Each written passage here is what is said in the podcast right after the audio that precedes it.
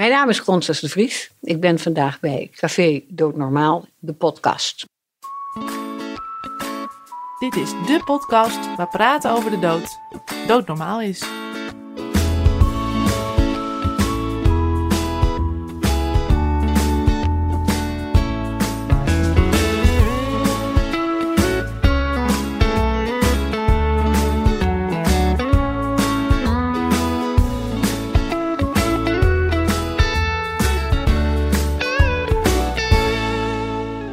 Regenachtig Amsterdam heet ik je welkom bij weer een nieuwe aflevering van Café Doodnormaal, de podcast. Mijn naam is Gerard Ekelmans en tegenover mij zit, zoals altijd, Sebastian Hattink.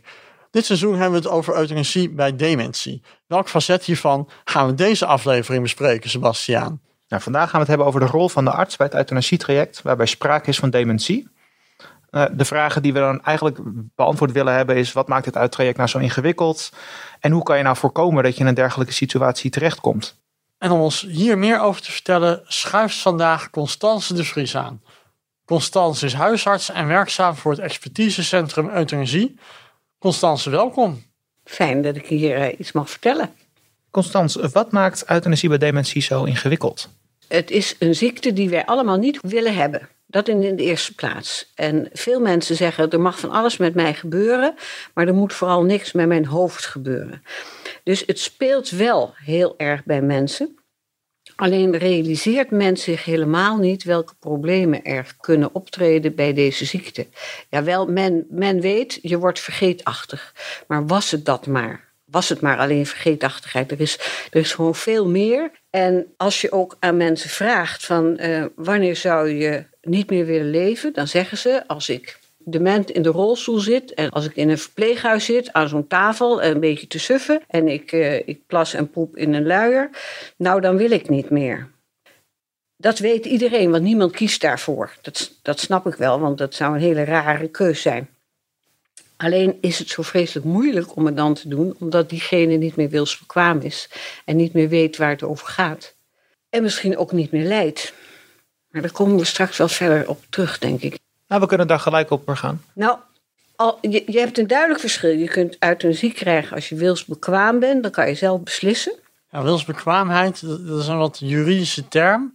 Maar Ja. het is dat je je bewust bent van je eigen handelen. Dus vat ik het maar heel kort samen.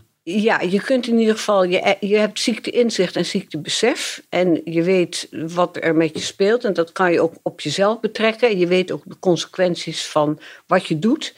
En je kunt dus wilsbekwaam zijn in zaken euthanasie. Terwijl je misschien helemaal niet meer een koffiezetapparaat kan bedienen. Of eh, je, je pinpasje goed kan hanteren. Dus het is wel een heel specifiek onderwerp waar mensen dan wilsbekwaam over moeten zijn. Dus het betekent niet, je bent dement, je hebt de ziekte dementie, dus je kan niet meer beslissen. Dat is onzin. Je kunt nog een heleboel beslissen. En met name over dat levenseinde, dat is vaak iets wat, wat heel goed in je emotie zit. Dus wat, wat heel diep zit, heel doorleefd is bij mensen. Waar ze iets over kunnen zeggen. Je stelt eigenlijk dus altijd vast bij een euthanasieverzoek of iemand wilsbekwaam is in zaken euthanasie. En daar zijn een aantal criteria voor. Die kan zeg maar iedere dokter, iedere psycholoog, iedereen kan dat gewoon nakijken. Dat zijn de criteria van Appelbaum. Dat, dat toets je even en dat heb je dan in je hoofd. En dan pas je die criteria toe op die patiënt, op zijn verhaal. Dus je hebt de euthanasie bij de wilsbekwamen. Nou, die kan daar goed over praten, net als wij daar hè, over kunnen praten. En je hebt de wilsonbekwamen. En die kan dus niet meer zelf beslissen. Die weet niet meer zich goed te uiten. Bijvoorbeeld, er zijn vormen van dementie met ernstige spraakstoornissen, ernstige fatische stoornissen noemen we dat. En je hebt vormen van dementie waarbij je ernstige gedragsproblemen hebt. Of waarbij je bijvoorbeeld je hele wezen, je hele zijn veranderd is. Bijvoorbeeld bij frontotemporale dementie. Dat is een niet zoveel voorkomende vorm, maar toch wel 3 tot 12 procent. Daarbij heb je geen idee meer over wie je vroeger was. En dat maakt het dan ook heel moeilijk, ook voor degene die het moet uitvoeren.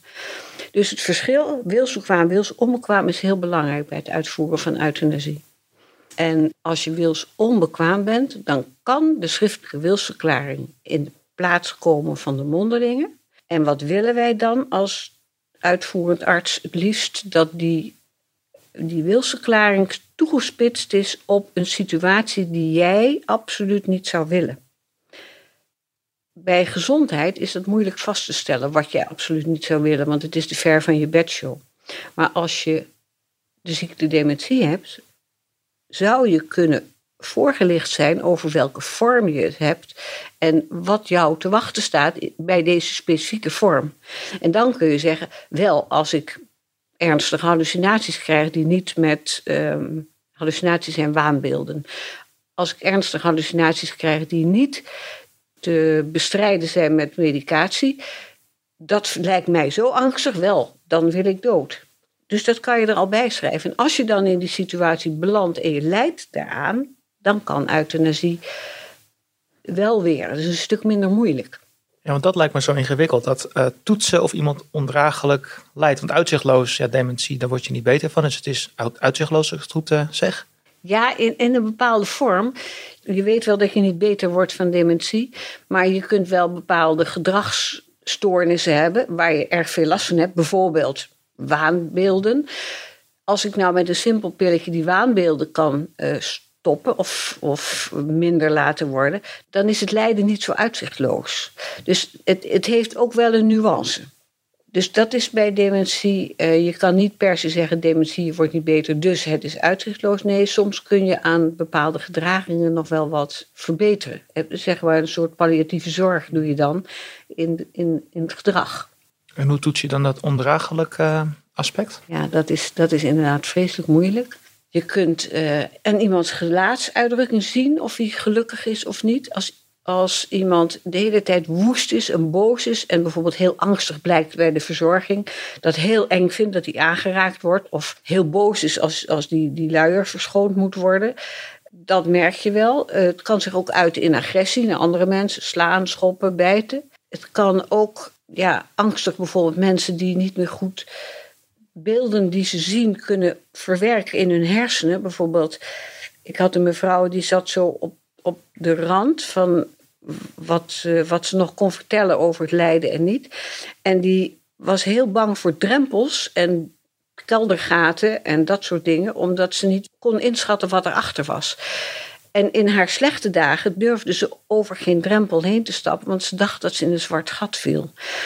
Nou, dan kan je ook wel weer wat zeggen over het lijden.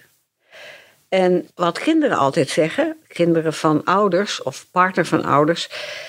Ja, pap zit in een situatie die hij nooit gewild heeft, dus hij lijdt.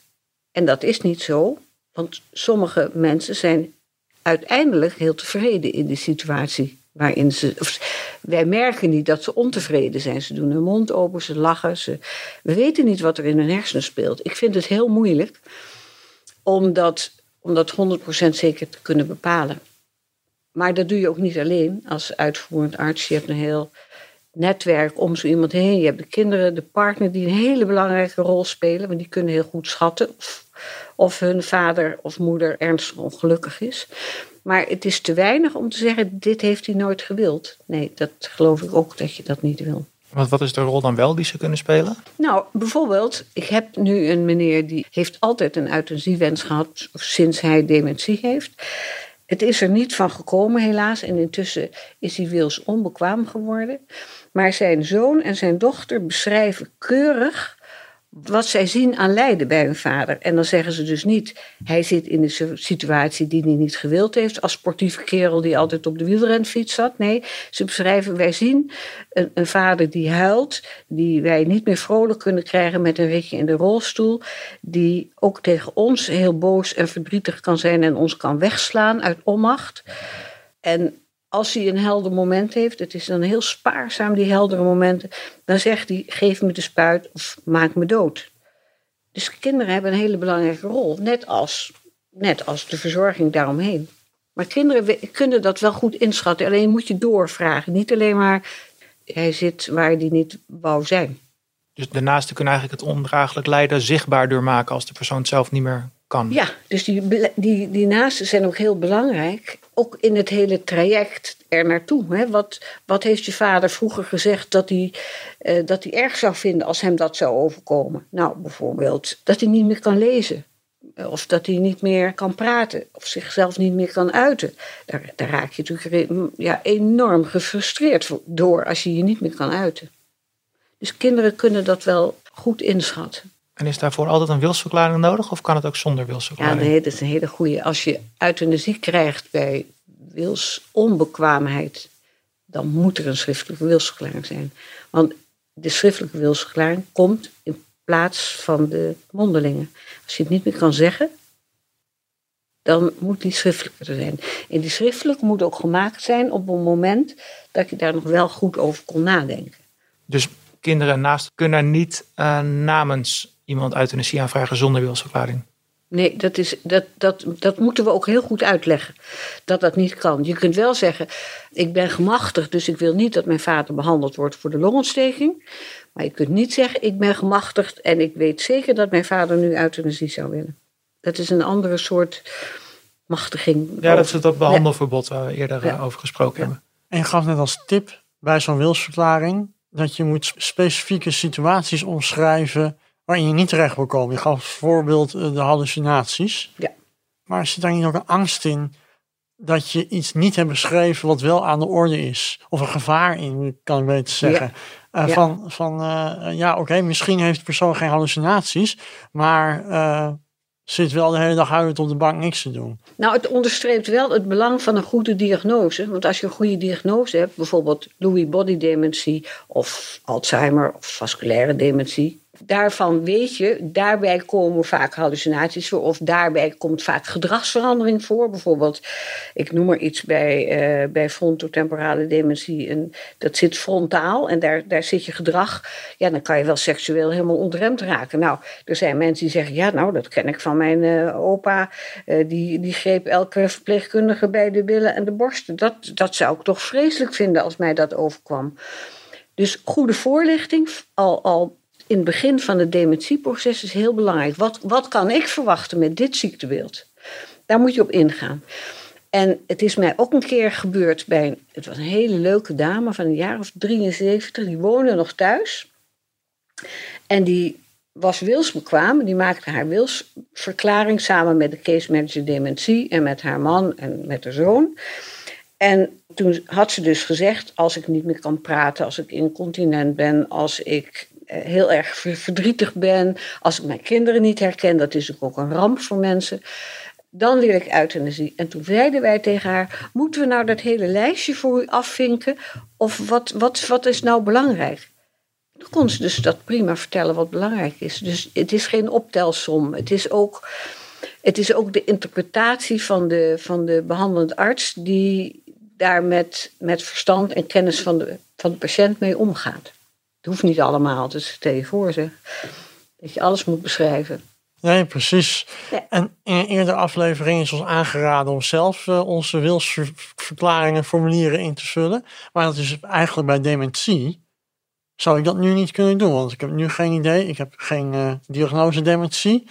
Ik kan dus nu niet op dat specifieke onderdeel mijn wilsverklaring invullen. Begrijp ik dat goed? Ja, dat is, dat is een goede. Dan doe je een, voorlopig een algemene om bij mezelf te blijven. Ik heb een algemene en ik, ik schrijf er wel in wat mij nu, helder verstand, uh, ernstig zou lijken. En daar is taal en uh, gebruik van woorden zijn daar wel heel belangrijk bij. Dus dat heb ik er al wel bij genoemd. Maar ik kan hem telkens natuurlijk aanpassen. Hij is nu 2021 misschien, zeg ik in 2026.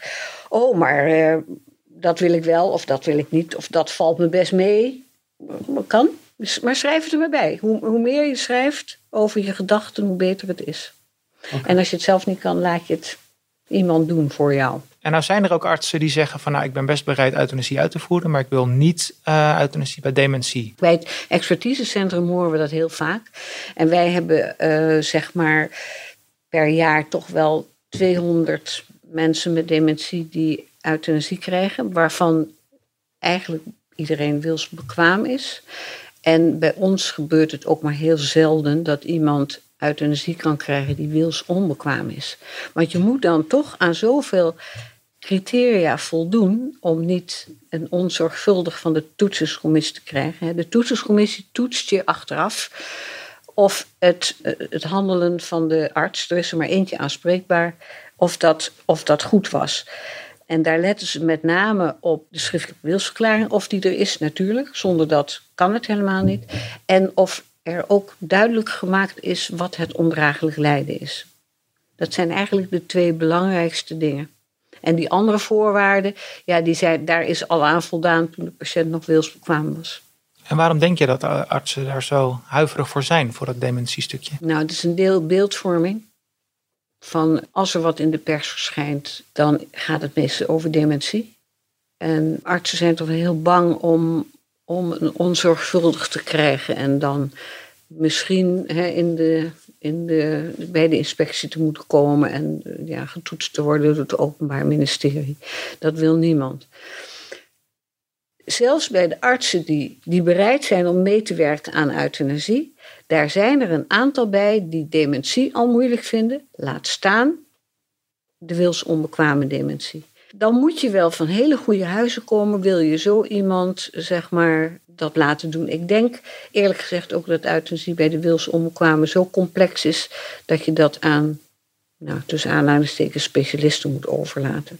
En, en, ja, we kennen allemaal natuurlijk de zaak van Marinou Arends wat een drama was. En we kennen binnen, de, binnen het expertisecentrum arts die echt heel erg uh, ja, ondervraagd is over, over een wilsonbekwame patiënt. En het is uiteindelijk wel redelijk goed afgelopen. Maar vraag niet welke consequenties dat voor een arts heeft.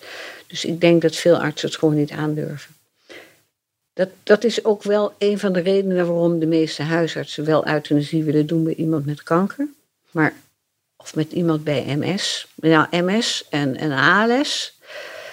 Maar zodra het andere neurologische ziekten zijn, want dementie is tenslotte ook een neurodegeneratieve ziekte, dan wordt het al een heel stuk moeilijker.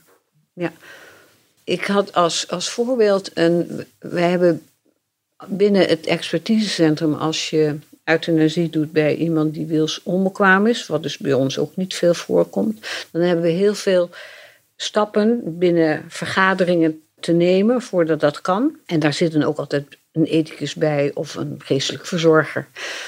En soms kan zelfs een geestelijk verzorger zeggen: Ik doe geen euthanasie bij dementie, maar in deze situatie snap ik het wel. En het punt is dat je nooit weet wat iemand denkt als hij heel erg aan het dementeren is gegaan. Is het nog dezelfde mens van toen of is het een nieuw mens, een beschadigd mens?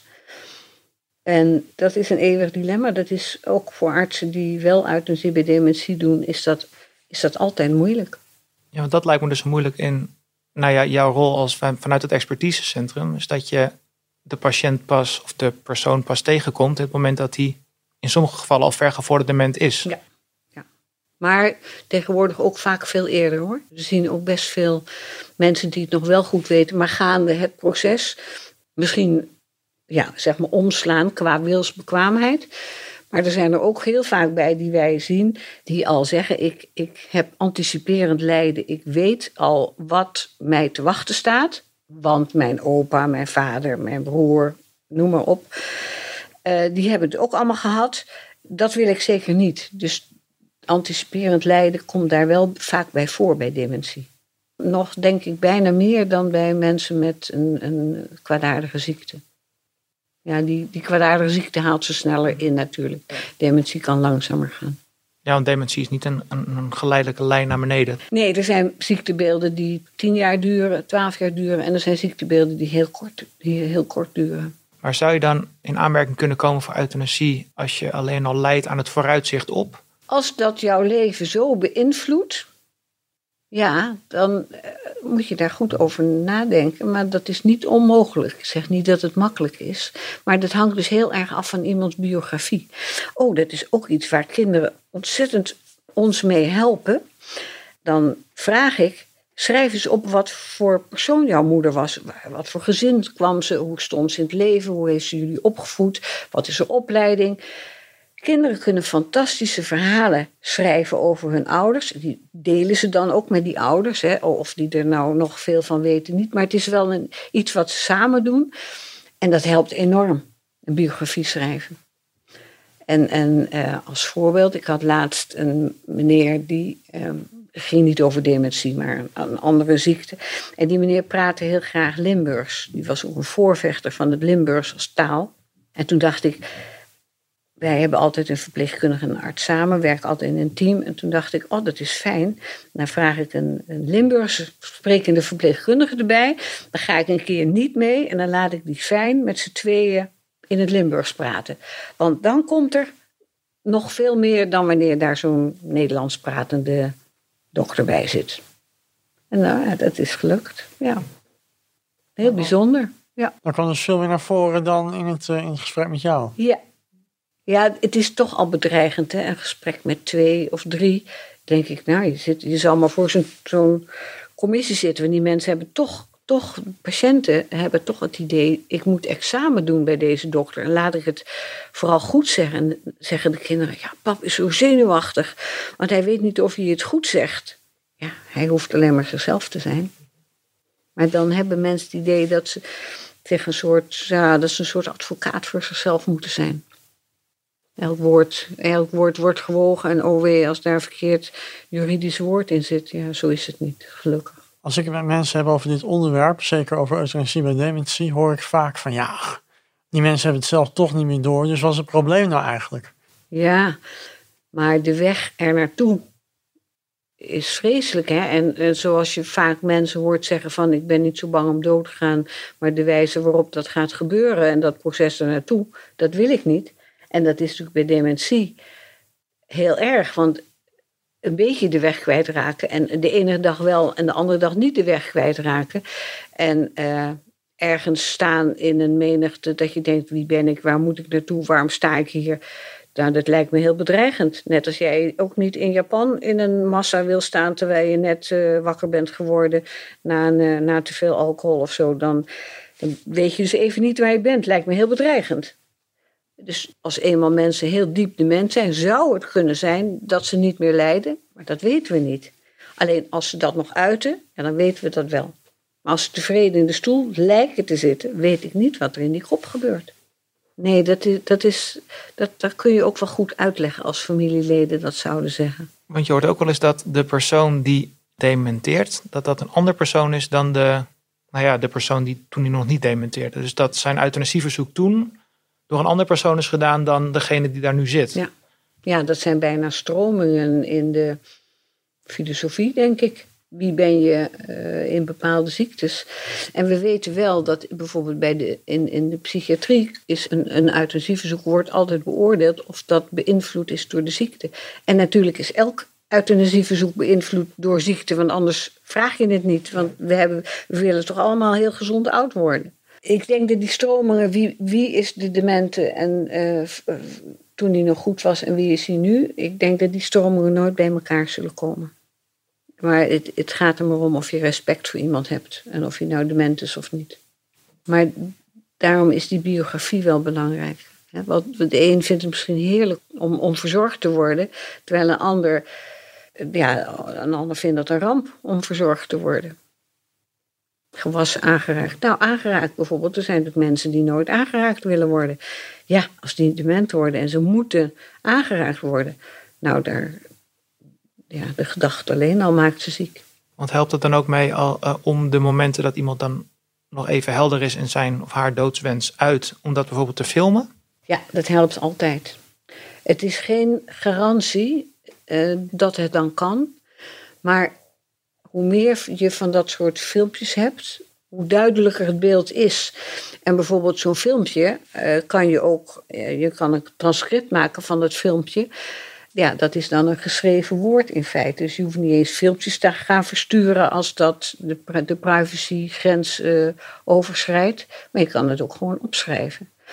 De, gelaatsuitdrukking van iemand een keer zien op een filmpje is wel goed. Misschien voor de toetserscommissie, want die moet het alleen met woorden hebben. En wij, de, de, de mensen om zo'n dementerende heen, die, die zien dat veel vaker. En die hebben daar ook een beeld bij als ze zo iemand spreken. Terwijl die toetserscommissie maar afhankelijk is van ons goede, ja, goede weergave van de situatie. Dus het helpt zeker wel. En, en mensen doen, veel mensen doen het ook wel. Die iPhone is natuurlijk een fantastische vinding geworden om het op die manier te doen. En kan het dan ook dienen in plaats van een wilsverklaring? Nou, nee, eigenlijk niet. Nee, eigenlijk niet. Ik denk niet, dat je daarop moet vertrouwen. Uh, want het kan toch, ja, een wilsverklaring kan natuurlijk ook onder druk zijn gemaakt. Maar het is, uh, ik, ik, ik, vrees dat ik daarmee de toetsingscommissie niet nooit kan alleen maar overtuigen. Maar wat wel is, dat natuurlijk mensen bij een arts uh, toch spannend vinden en misschien niet zo goed uit hun woorden kunnen komen als ze al een, een fatische stoornis hebben. En dan is het fijn als zoon of dochter op welk moment dan ook dat even vastlegt, al is het maar twee minuten. dat je een gelaatsuitdrukking van redelijk rustig naar heel verdrietig ziet veranderen. En dan zegt vader ineens: ehm, geef me maar een spuit. Ja, dat helpt wel. Maar het is bijdragend. Is het dan ook zo dat uh, op het moment dat de euthanasie wordt uitgevoerd, dan vraagt de arts vaak aan de patiënt: Weet je zeker dat je het wil? Wil je dit? Moet een dementerende dan ja of nee kunnen zeggen? Nee, nee, nee. Als hij, als hij wils onbekwaam is, hoeft hij dat niet meer te kunnen zeggen. Het is, het is wel zo dat als je euthanasie doet, altijd, uh, leg je heel goed uit aan de patiënt zelf als hij het snapt, maar ook aan de omstanders wat er gebeurt en waarom je iets doet en wel, welke, welke, prik, spuit je zeg maar, nu eerst gaat geven en dan de volgende en dan de volgende en hoe je uiteindelijk de dood gaat vaststellen. Ik vind dat je dat verplicht bent sowieso aan de familie die erbij is en ook bij de, bij de wils onbekwame dementerende zal ik dat zeggen. Terwijl ik niet verwacht dat hij misschien nou juist dat lucide moment heeft dat hij denkt, nou die dokter heeft helemaal gelijk, ja dat is goed. Dat, dat weet ik niet. Dus je hoeft het niet te zeggen. En volgens de wet, de uitspraak van de Hoge Raad, hoef je dat ook niet meer te zeggen. Je mag, mag dus de patiënt van tevoren ook wel sederen als je bang bent dat, het, dat hij er erg door van slag raakt door dat medisch handelen. Of als je denkt dat dat wordt moeilijk om dat naaldje in te brengen, dan mag je iemand wel rustig maken als eenmaal aan die voorwaarden zijn, is voldaan. Dus eigenlijk is jouw oproep, stel tijdig je wilsverklaring op. Op het moment dat uh, je de diagnose dementie krijgt, stel hem bij, bespreek dat uh, nogmaals met je arts. Vraag ook hoe hij erover denkt in het geval van dementie. En dan uh, blijft dat actualiseren. Ja, ja. En als, als jouw arts al van tevoren zegt, nou dat vind ik te moeilijk, alle respect, die arts blijft de behandelaar. Mm -hmm dan kun je op tijd zeg maar, uh, hulp gaan zoeken. Of die arts zoekt iemand die het wel wil van zijn collega's. Of ja, je meldt je er, ergens anders aan bij het expertisecentrum euthanasie. En we hebben dus nu ook wel de mogelijkheid om naast arts te gaan staan die het erg moeilijk vind, vinden. Als een arts echt denkt van, oh, het is de eerste keer bij dementie. Ik weet niet of ik alle papieren goed heb ingevuld. En uh, hoe zou het nou gaan op het allerlaatst? Dan kan je ook hulp vragen. Dan blijven we steunen, naast staan, uh, terwijl we alleen maar uh, aanwijzingen geven. Dus en de, een... de, arts voert er dan echt uit? Ja, ja. ja, tenzij die bijvoorbeeld op het allerlaatst ja, emotioneel bevangen wordt, nou, dan kan je het overnemen. Dat geeft dan wel wat ingewikkelde administratieve handelingen, maar het kan wel. En het is dan vanuit het expertisecentrum euthanasie waar dit wordt aangeboden? Ja. Of doe je het ook op persoonlijke titel? Nee, ik, ik, uh, ik, ik, ben uh, echt. Uh, ik hoor bij het expertisecentrum en ik ben daar niet titel personeel aanspreekbaar, zeg maar. En het is dus belangrijk dat de grootste kans heb je dat je het daadwerkelijk krijgt op het moment dat je nog wilsbekwaam bent of net op dat omslagpunt zit, als ik je zo hoor. Ja, als je wilsbekwaam bent, is het, is het eigenlijk niet zo moeilijk niet moeilijker dan andere ziektebeelden die er zijn. Want je kan het namelijk nog goed uitleggen wat voor jou het ondraaglijk lijden is. En net dat kantelpunt, dat je nog wel heldere dagen hebt, maar. Ja, het kantelpunt wordt al heel moeilijk, want er moet altijd nog een, een second opinion komen als je twijfelt aan de wilsbekwaamheid. Als je enige twijfel hebt over de wilsbekwaamheid zelfs. En er moet altijd een onafhankelijke dokter komen, de scanarts. Ja, en als die patiënt dan net zijn slechte dagen heeft, dus eigenlijk zou dat voor moeten zijn. Maar dat juiste moment bepalen, hè, dat is het, het beruchte assepoester moment, dat is heel moeilijk. Want het leven is dan zo leuk dat iemand denkt, ach, kan nog even. En ineens komt er wat. Een CVA'tje. Zou je het Assepoester-moment eens kunnen uitleggen? ja, Assepoester vond het leven heel leuk en was straalverliefd en die wilde dansen. Maar ze moest om twaalf uur weg zijn, want anders veranderde de koets in pompoenen. Dat had de vee gezegd. En op het moment dat zij de klok hoort slaan, de eerste slag, en goddank zijn er twaalf op de eerste slag denkt ze, oh, ik had weg moeten zijn. Nu kan het nog. En zij rent weg, haalt de koets zonder pompoenen, maar met echte paarden, maar verliest haar muiltje. Dat is dan het romantische van het verhaal. En zo moet je het eigenlijk bij dementie ook zien. Je kunt het beter voor zijn en het beste op het allerlaatste moment. Alleen niemand luidt de klok. Of misschien toch wel. Jouw familie kan de klok luiden en zeggen van... pap, je bent nou in een situatie die echt de verkeerde kant op gaat. Je moet opletten. Straks gaat het mis. En dat, dat is best moeilijk als mensen dat zeggen tegen hun partner van, of vader. Maar het is wel zo. Je moet, je moet ze er aan herinneren misschien. Pas op, je bent bijna te laat. Geen klok, maar familie die dat zegt. Of manager dementie, die zal dat moeilijker zeggen. Ik denk je intieme kring dat, dat, dat je daar heel goed voor zou kunnen gebruiken. Zou je kunnen afspreken met ze. Help mij te herinneren, want misschien vergeet ik het.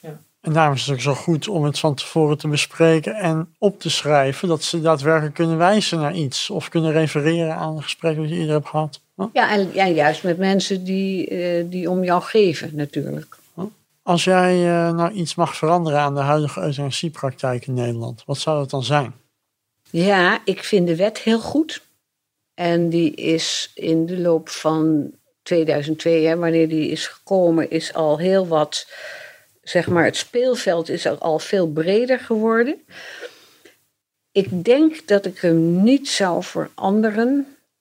Nee, ik zou hem niet veranderen. Ik, ik, ik heb wel soms medelijden met mensen die zo vaak moeten uitleggen waarom ze dood willen dat, eh, dan denk ik, ja, we moeten voor de zorgvuldigheid moeten we dat nog een keer vragen en nog een gesprek en nog een gesprek. Ach, arme man, en zijn wij eindelijk overtuigd en dan moet er nog een ander komen of misschien nog een ander komen.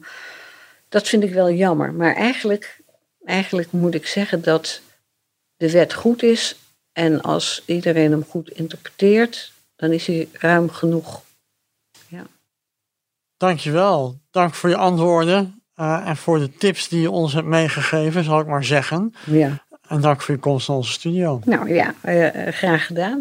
Ik had er nog heel veel meer over kunnen vertellen, maar ja, op een gegeven zeggen- moment is het ook klaar. Kom een keer terug, zou ik dan eh, willen zeggen. Ja, ja, ik wil casuïstiek van wat wij meemaken vertellen. Want het zijn zulke bijzondere verhalen. Als ik schrijver was, zou ik een boek schrijven. Maar ja, ik ben geen schrijver. Bij deze hebben we afgesproken dat je het hier een keer komt vertellen. Ja, is goed. Dankjewel. Dit was het weer voor deze aflevering van Café Dood Normaal, de podcast. Volgende week zaterdag staat er weer een nieuwe aflevering voor je klaar in je favoriete podcast-app. Voor nu bedankt voor het luisteren en wil je nou geen aflevering missen, vergeet dan niet te abonneren. Dan krijg je automatisch een melding als er een nieuwe aflevering voor je klaar staat. Vond je het nou interessant om deze podcast te luisteren? Laat dan vooral een beoordeling achter. En mocht je nog vragen hebben naar aanleiding van deze podcast, dan kan je altijd mailen naar jongeren.nvve.nl. Als laatste willen we nog de NVVE bedanken voor het mede mogelijk maken van deze podcast en zeggen we graag tot volgende aflevering.